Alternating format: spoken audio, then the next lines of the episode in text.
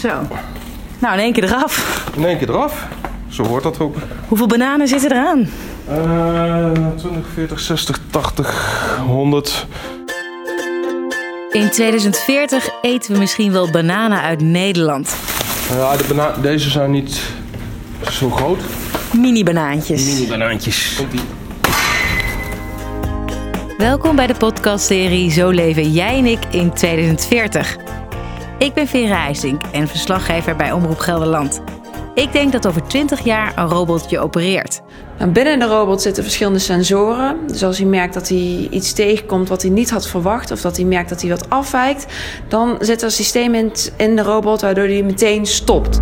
En we rijden niet meer in onze eigen auto. Oh, daar gaat het dak erop. Ja. En dan zit ik erin.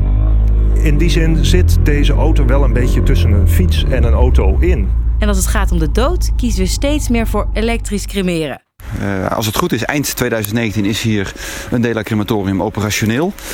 Uh, en daar wordt inderdaad die elektrische oven geplaatst. Dus Bemmel heeft in die zin een van de eerste elektrische ovens van Nederland.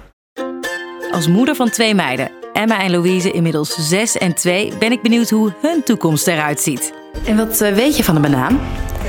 Dat er ook nog vlekken in kunnen zitten. Waar groeien bananen? Aan een plant.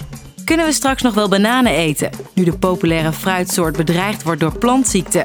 Ja, dat is, een, dat is inderdaad een heel serieus probleem. Er zijn twee schimmelziektes die de bananen echt bedreigen. Kiezen mijn dochters straks voor het laten oplossen van hun lichamen? En waar komen mijn botten eigenlijk terecht?